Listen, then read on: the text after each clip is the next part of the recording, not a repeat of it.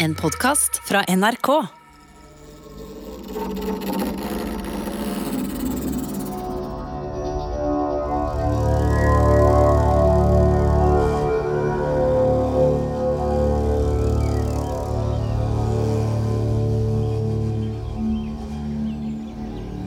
Året er 1146. Det er sommer i Norge. Sola skinner, humla suser, og en lett bris rusker forsiktig i epletrærne som er i full blomst. En konge kommer ridende på en stor, hvit hest. Han har en gyllen hjelm på hodet og ei vakker, blå silkeskjorte. Kongen er kraftig, velbygd og kjekk. Rolig rir kongen mellom trærne, mens tusenvis av små, hvite epleblomster svever i lufta rundt den. Jo da, de gjør det. Og så, hva hører vi? Er det noen som synger? Det er det. En lys kvinnestemme. Sangen er overjordisk vakker.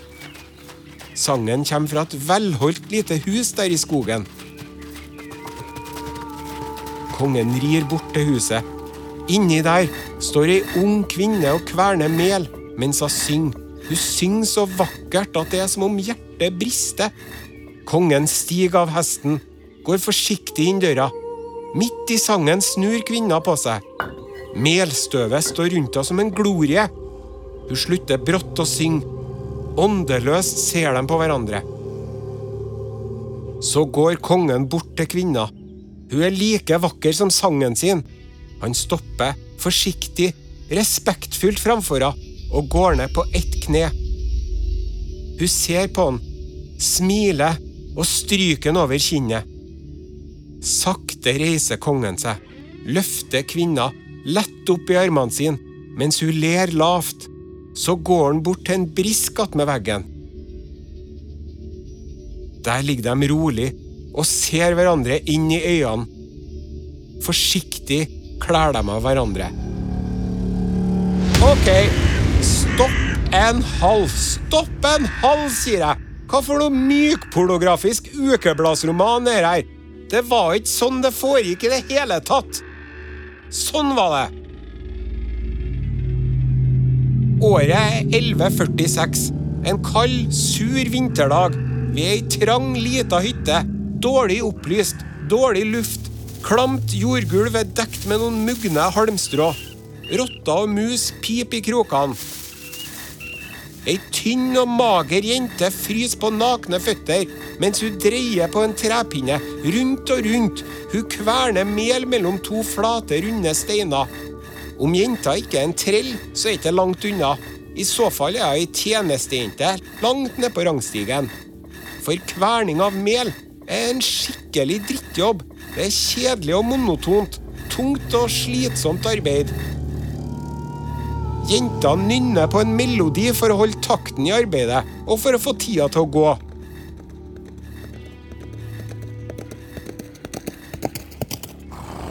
Med et brak blir hyttedøra sparka opp. Inn braser en svær, svett branne av en kar. Han har et stygt flir om den stygge munnen sin. Er du som synger så fint, ja? sier han. Jenta setter i et hyl av skrekk som får mannen til å fly enda styggere. For en stygg munn han har! Hun springer bort fra kverna og rundt bordet. Mannen jager etter. Tre runder rundt bordet springer dem. Den hylende, livredde jenta og den flirende mannen. Stakkars jenta prøver å komme seg ut døra, men for seint. Mannen klipper tak i serken hennes og lemper oppå bordet. Så river han av henne fillene hun har på seg. Jenta trygler og ber og roper om hjelp, men det er ikke noe hjelp å få. Febrilsk dunka knyttnevene sine i brystet hans. Ingen effekt. Så klorer mannen i kinnet med neglene sine. Da blir den store mannen irritert og bokser til. I magen så han mister pusten, og i ansiktet så han nesten mister bevisstheten. Jenta faller bakover på bordet. Etter det går det ganske fort. Mannen gjør seg ferdig med et grynt, drar på seg buksa, går ut, klyver opp på hesten og fær bort, mens han plystrer samme melodien som jenta nynna på ti minutter før.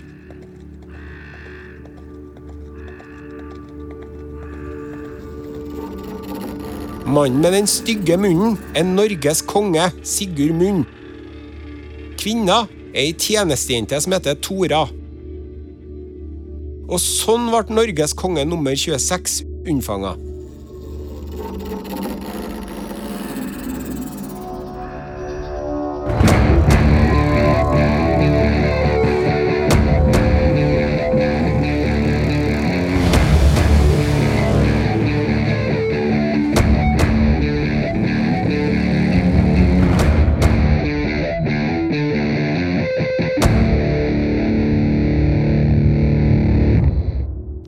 Hører Kongerekka med Are Sende Osen, sesong to.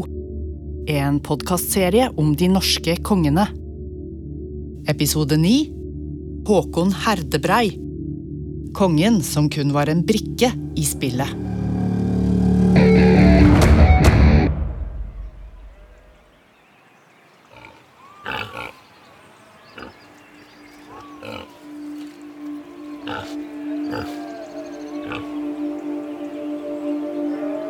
Tora var tjenestejente hos en mektig bonde ved Oslofjorden. Han het Simon. Og da han fikk høre at noen hadde ligget med tjenestejenta hans, sa han det var som svarte. Men så fikk han høre at den som hadde ligget med tjenestejenta hans, var kong Sigurd Munn. Og da sa han det var som svarte. Og bonden Simon passa på tjenestejenta Tora. Sørga for at hun fikk litt bedre mat enn før, og litt bedre klær enn før, og litt lettere arbeid enn før òg, til og med.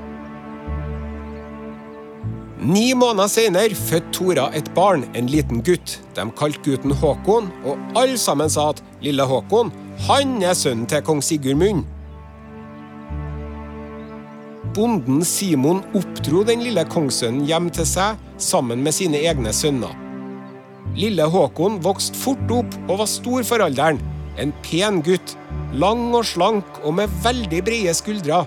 Så brede skuldre at de kalte han det.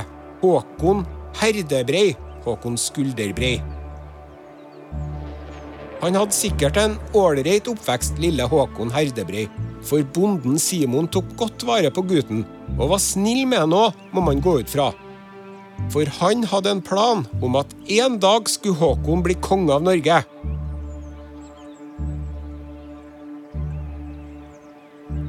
Den dagen kom før heller enn senere, for da Håkon Herdebrei var ti år gammel omtrent, da var kong Inge Krokrygg blitt kvitt begge brødrene sine og var dermed konge alene.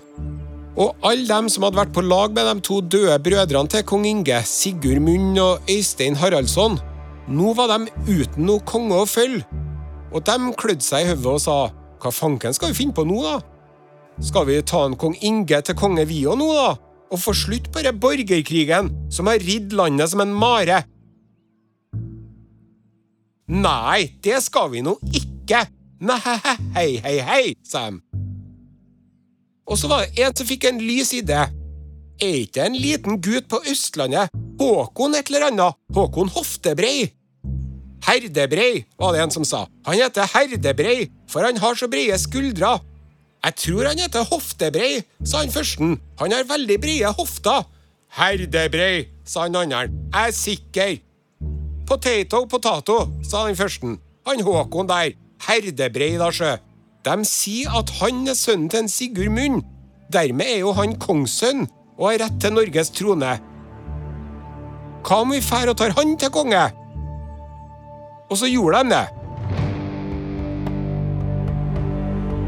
De var en hel gjeng.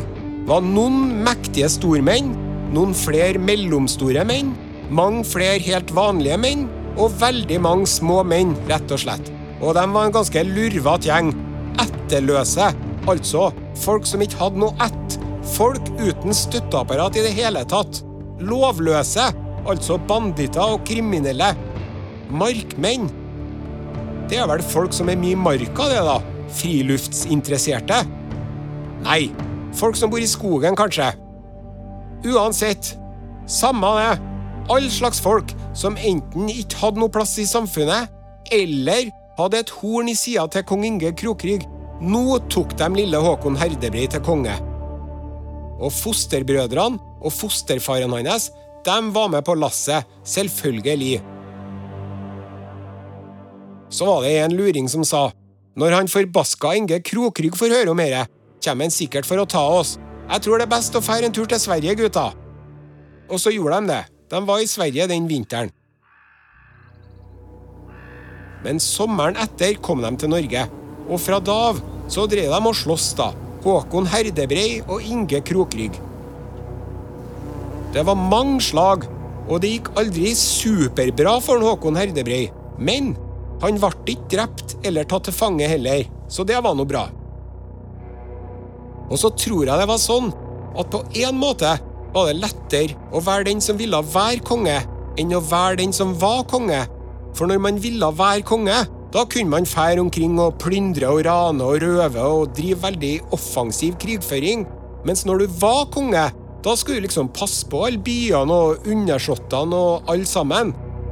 Så mens en kong Inge drev og passa på Oslofjorden, da for Håkon Herdebrei til Trondheimen. Som sagt, mye å holde styr på når man er konge. Og Håkon Herdebrei var tatt til konge av trønderne.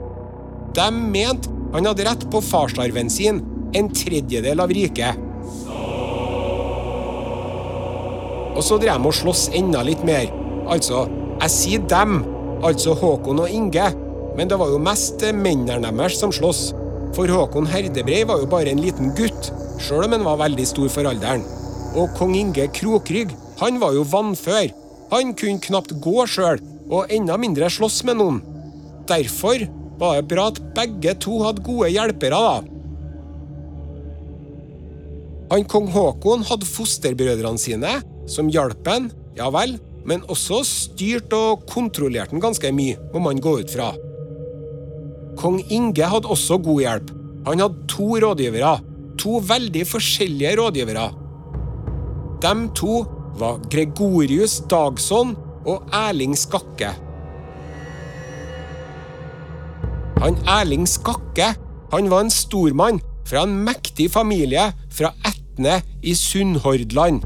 Og han var lendmann, altså styrte han et område på vegne av kongen. Og han var gift med dattera til Sigurd Jordsalfaret, Kristin. Ei vaskeekte kongsdatter var han gift med, inngifta i kongefamilien. Han Erling Først så het han Erling Ormsson, for faren hans het Orm. Men han Erling Sjø, han hadde, i likhet med Sigurd Jorsalfaret, vært på partyslåssecruise og vikingtokt nede i Middelhavet. Da var han med på mange sjøslag, både fyllefester og slag på sjøen. Og i ett av de sjøslagene fikk Erling et øksehugg i nakken.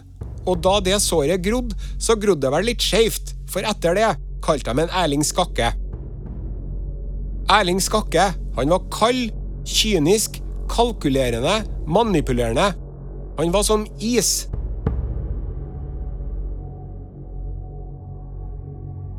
Den andre rådgiveren til kong Inge, Gregorius, han var en stormann fra en mektig familie i Telemark, Skien. Gregorius var oppfarende, handlekraftig, impulsiv, et følelsesmenneske.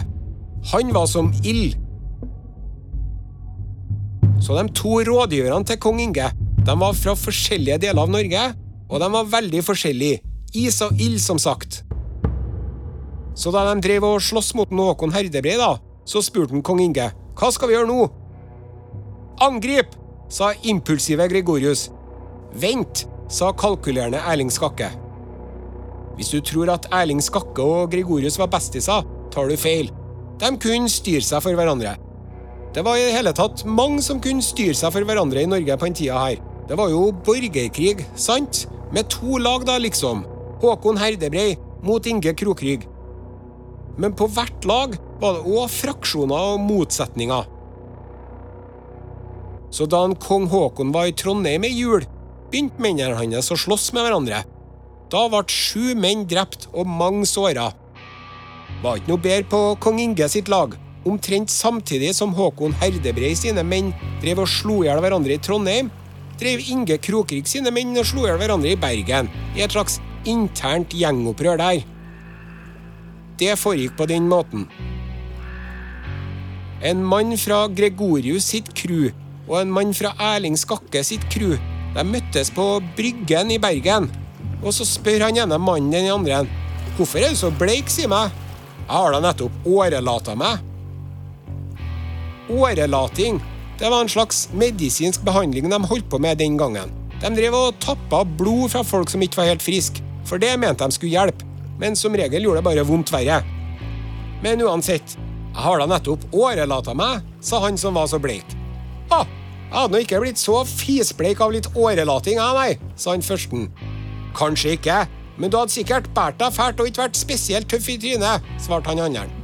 Og det var ikke noe mer som skulle til. Det ene ordet tok til andre, og så ble det knuffing, og så ble det slagsmål, og så ble det våpenkamp. Og så kom det folk fra begge sidene for å hjelpe til, og hele konflikten eskalerte voldsomt. Kong Inge Krokrygg han satt og tok det med ro. Så kom det en mann og sa at nå driver Erling Skakke og Gregorius og skal til å slå i hjel hverandre nede på Bryggen. Og så måtte jo han få noen til å bære seg ned dit, og kom dit og ropte Hei, hei, hei, hei, kutt ut! Kutt ut, sa jeg! Slutt med den slåssinga! Men folkene var helt ville og hørte ikke etter. Og folk drev og sloss med nevene og kjepper og sverd og økser. Fullstendig gale, Mathias. Så Gregorius sa at Inge, nå må du skygge banen, herre konge. Vi får ikke passa på deg nå, og det hadde vært for dumt om du skulle bli skada her nå. Og så måtte jo Inge Krokrygg bare fære. 14 mann ble drept under det slagsmålet her. Ni døde tvert. Fem døde senere av sårene sine, og mange andre ble skada. Og etter det her, da var det full skjærings mellom rådgiverne Erling Skakke og Gregorius. Så da de fikk vite at en kong Haakon Herdebrei var rundt Oslofjorden, da for kong Inge og Gregorius ditover for å ta han. Men Erling Skakke, han ble igjen i Bergen. Sikkert sur. Da kong Inge og Gregorius kom frem til Østlandet, sa Gregorius, Vent i Oslo, du, herre konge, så skal jeg fære og ta en Håkon her, sjø. Og Gregorius fikk greie på hvordan Håkon Herdebre hadde lagt seg til i natt. Så han for og tente på huset han var i. Bare at han gjorde ikke det, vet du. Han tente på det største huset på gården. Men kong Håkon og dem var i det minste huset. Lurt. Så kong Haakon og dem kom seg ut og unna. Men da var de ikke blide. De sa 'Herre skal hevnes, Gregorius Dagsson'. Og så for de og tente på gården til ene søstera til Gregorius og drepte mannen hennes. Og sendte søstera av gårde ut i skogen i bare nattserken, midt på vinteren, og tok nevøen til Gregorius til fange, enda han bare var fem år gammel. Da Gregorius fikk høre det, da ble han bra forbanna. Og for med en svær hær for å ta han Håkon Herdebrei en gang for alle. Og da kom de til ei elv som het Bevja. Nå er den svensk, men den gangen var den norsk. Bæveån heter den i dag. Der var kong Håkon Herdebrei på den ene sida og Gregorius på den andre. Og kong Håkon hadde mange færre menn. Så sier Gregorius den isen på elva der, den ser ikke bra ut. Vi får ta og gå over brua litt lenger opp. Men da sa alle bøndene som var med, Hæ?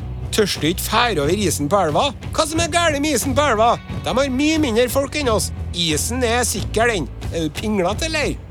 Og da sa han Gregorius at jeg er nå ikke pinglete. Hvis det skal være på den måten, kan vi godt gå over isen, vi. Sjøl om jeg mener at det er en veldig dårlig idé. Men jeg gidder ikke å høre på dette skitsnakket deres om at jeg er feig. Nå må dere henge på meg! Og så begynte de å gå over isen på elva. Men den isen, den var ikke sikker. Den var tvert imot sikkert ikke. Ja. Og i tillegg til at den ikke var sikker, hadde Håkon Herdebrei sine menn hugd hull i isen og mokka snø over hullene innimellom. Sabotert usikker is. Og da gjengen til Gregorius oppdaga det, da snudde de. Feigskitbøndene. Flirende, idiotiske fjompebøndene som hadde tøffa seg fælt for fem minutter siden.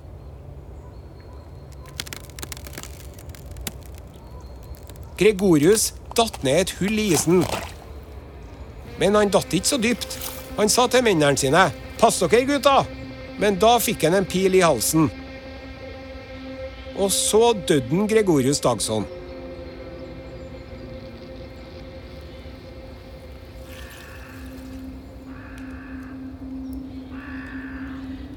Kong Inge Krokrygg var jo i Oslo mens det her foregikk. Og da han fikk høre at en Gregorius var død, da gråt han som et barn over sin beste venn. Og da gråten hadde stilna, da sa han kong Inge. Nå er han død, den mannen som mest har holdt landet i hånda mi for meg. Og nå skal jeg fære mot en Håkon Herdebrei. Og da vil det skje én av to ting. Enten kommer jeg til å bli drept, eller så skal jeg drepe en Håkon og mennene hans. Og om jeg så hadde drept hver eneste en av dem, hadde Gregorius lell ikke blitt ordentlig hevna. Men da var det en mann som svarte at du trenger ikke å fære mot noen Heldebrei, for han er på vei hit. Da sa han kong Inge, bedre greit, jeg venter her.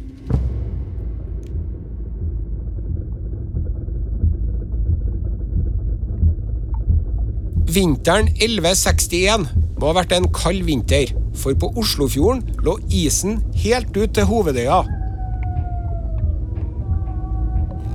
Om natta den 4. februar kom kong Håkon Herdebrei og hæren hans.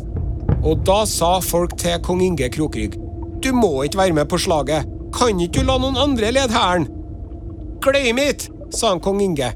Gregorius skal hevnes. Jeg skal være med og slåss. Jeg skal være med og slåss, jeg!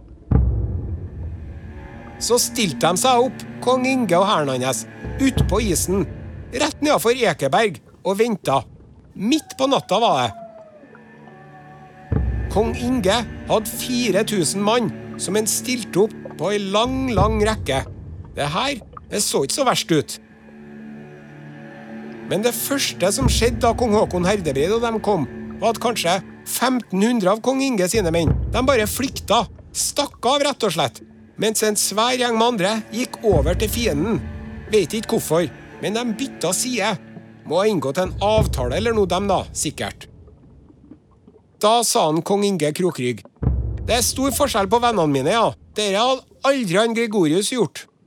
Og så var det noen som sa at kjære Inge, nå må du sette deg på en hest og ri av gårde opp til Romerriket. Der er det masse folk som vil bli med og hjelpe deg.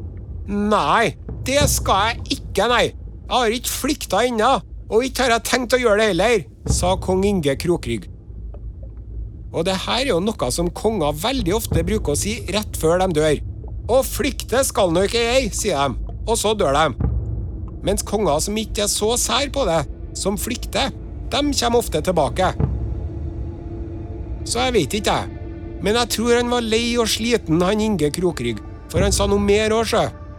Nå er jeg 25 år gammel snart. Han var bare 25 år. Og jeg har vært konge siden jeg var to. Han hadde vært konge i 23 år. Ja, unnskyld, jeg skal slutte å avbryte.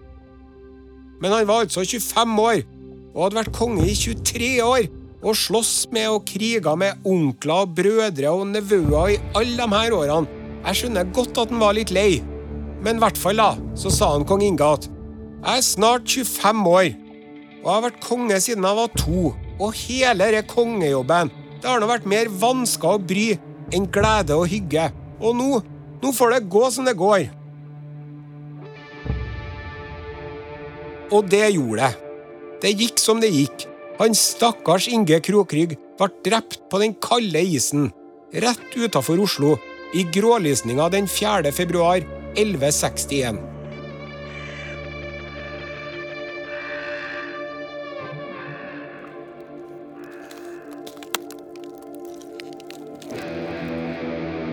Håkon med de brede skuldrene hadde vunnet.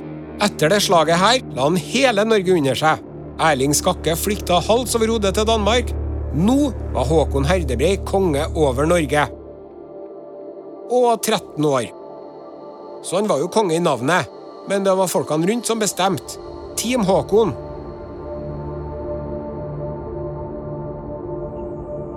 Men så er det sånn, sjø, at her i verden er det noen ting du ikke må gjøre.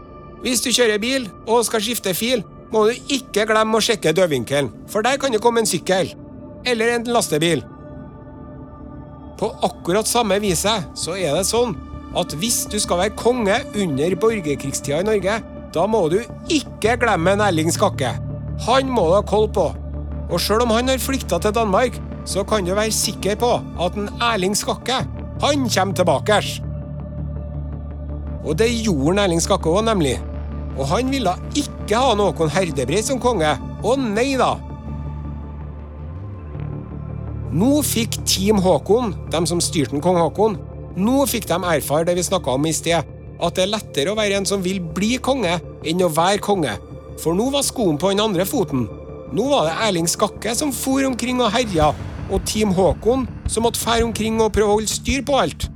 Så Team Håkon og Erling Skakke de for omkring og prøvde å ta hverandre. Og Team Håkon de drev og skulle samle folk da, vet du, til det store slaget mot Erling Skakke som de skulle ta en eller annen gang i framtida. Så de dro med noen skip til Romsdalsfjorden. De var ved ei lita øy, ikke så langt fra Molde. Og kongen sjøl, Håkon Herdebrei, han var nå oppe på øya og leika seg. Han leika seg, kongen, for han var jo bare et barn. Han så ut som en voksen mann, men oppi hodet var han bare et barn. Så han drev og leika seg. Hvordan leik, det vet vi ikke. Jeg tipper de leika gjemsel. Og resten av Team Håkon de satt på en haug og la planer og snakka om strategi og den slags. Så ser de en liten robåt som kommer mot dem. Og I den båten var det to mann som rodde. Og de rodde som fanken. De rodde sånn at de lå flat bakover når de trakk i årene, og bøyde seg like mye framover som bakover.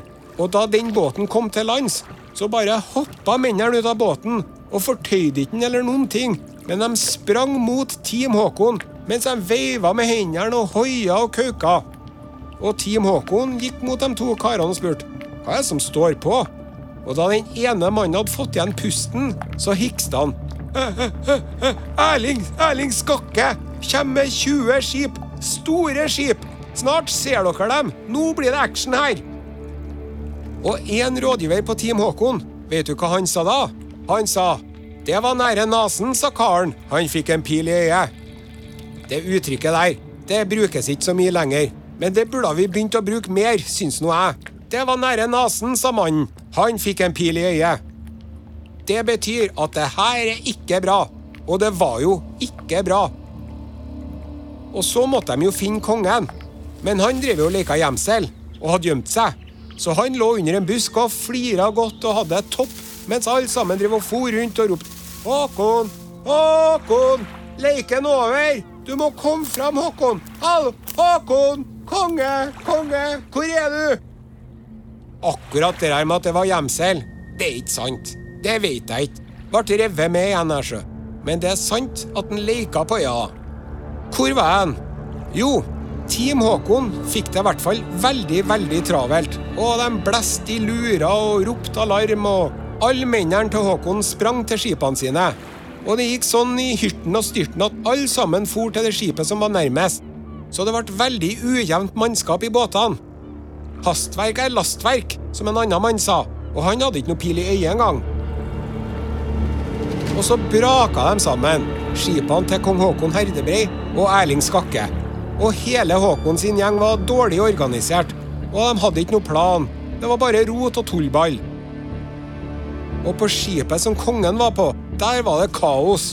Og mange menn om bord ble drept, og mange menn hoppa på havet.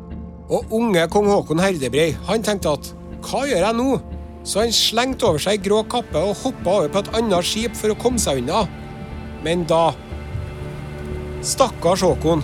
Han så seg rundt på skipet han hadde hoppa oppi. Og der var det ikke noe kjentfolk.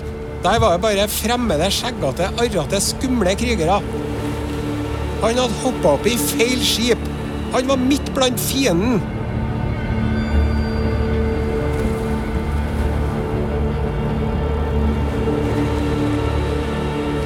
Og da tenkte han kong Håkon Herdebrei igjen. Hva gjør jeg nå? Jeg får bare komme meg over i skipet til Erling Skakke. Så det gjorde han. Og med en gang han hoppa om bord der, sa han Jeg gir meg! Jeg gir meg! Kan jeg få grid? Altså bli freda eller benåda, at de ikke skulle drepe han. Og de krigerne som sto forrest i skipet til Erling Skakke, de ga han Håkon Herdebrei grid. Og da Erling Skakke, som var lenger bak i skipet, ventelig, da han fikk høre at mennene hans hadde gitt kong Håkon Herdebrei grid, da sa han greit, det er i orden, det, hvis dere insisterer. Men pass godt på, gutten, da. sånn at det ikke skjer noe. Og så blåste Erling Skakke i luren og sa at 'nå tar vi resten'. Og så gjorde de det.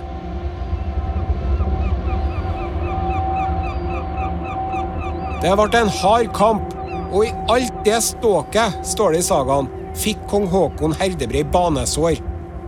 Og det var noe underlig, for han hadde jo fått grid, og sto jo blant de barskeste og modigste krigerne. Kanskje han ble truffet av en villfaren pil? Kanskje han fikk en stor stein i hodet? Kanskje ei øks skjæna ut og traff feil mann? Eller kanskje en Erling Skakke fikk noen til å knerte slitsomme, brysomme Håkon? Ingen som vet.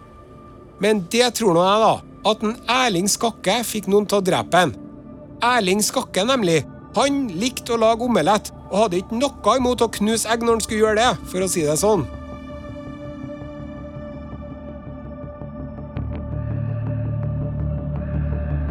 Stakkars kong Haakon Herdebrei.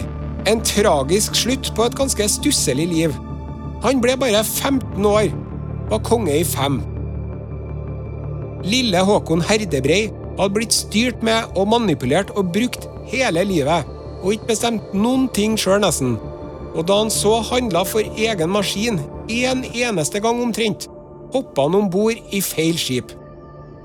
Det var et dårlig sistetrekk.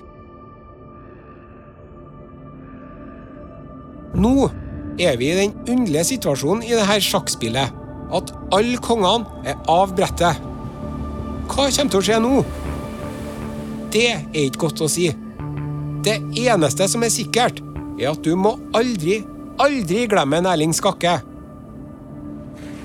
Erling Skakke er fortsatt med, og Erling Skakke styrer flokken som er igjen etter kong Inge Krokrygg. Men Erling Skakke har ikke noe kongssønn han kan sette inn som konge. Så hva gjør Erling Skakke nå?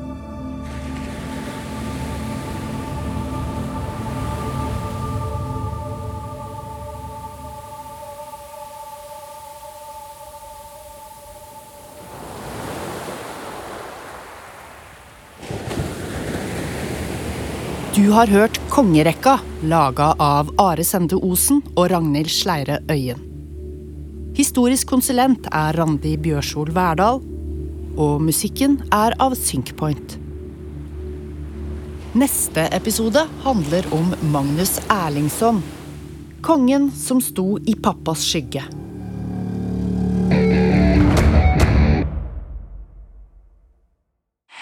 Du har hørt en podkast fra NRK.